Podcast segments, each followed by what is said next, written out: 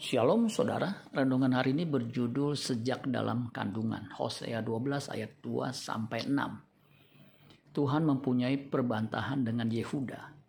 Ia akan menghukum Yakub sesuai dengan tingkah lakunya dan akan memberi balasan kepadanya sesuai dengan perbuatan-perbuatannya.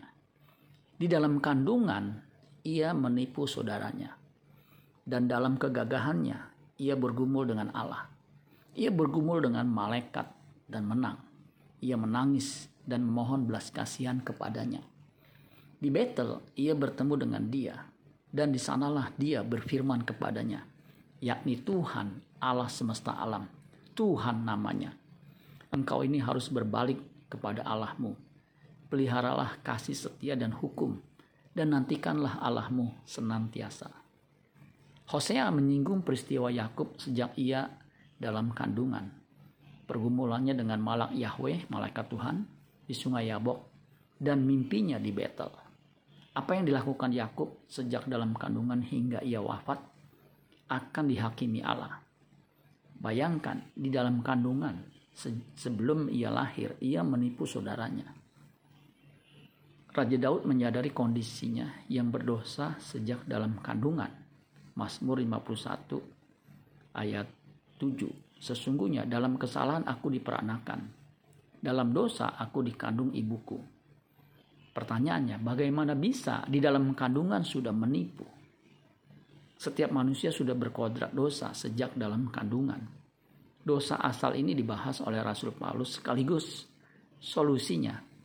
Roma 3 ayat 23 sampai 28. Karena semua orang telah berbuat dosa dan telah kehilangan kemuliaan Allah dan oleh kasih karunia telah dibenarkan dengan cuma-cuma karena penebusan dalam Kristus Yesus.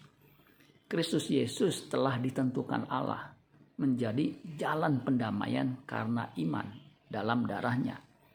Hal ini dibuatnya untuk menunjukkan keadilannya karena ia telah membiarkan dosa-dosa yang telah terjadi dahulu pada masa kesabarannya.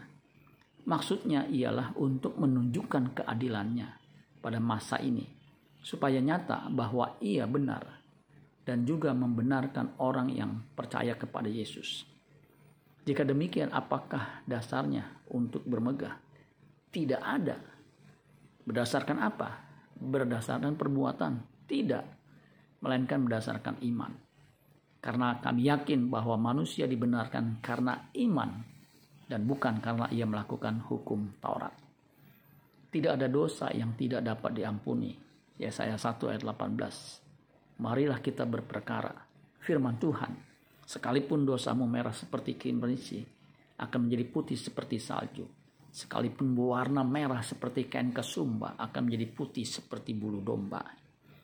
Orang percaya yang sudah ditebus harus menjaga tingkah lakunya, karena kita dihakimi menurut perbuatan kita 2 Korintus 5 ayat 9 dan 10. Sebab itu juga kami berusaha, baik kami diam di dalam tubuh ini maupun kami diam di luarnya, supaya kami berkenan kepadanya.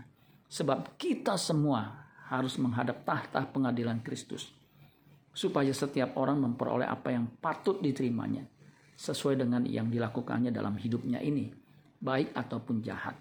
Wahyu 14 ayat 13. Dan aku mendengar suara dari sorga berkata, tuliskan, Berbahagialah orang-orang mati yang mati di dalam Tuhan sejak sekarang ini.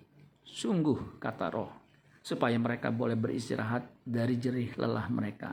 Karena perbuatan mereka menyertai mereka. Amin buat firman Tuhan. Tuhan Yesus memberkati. Sola Gracia.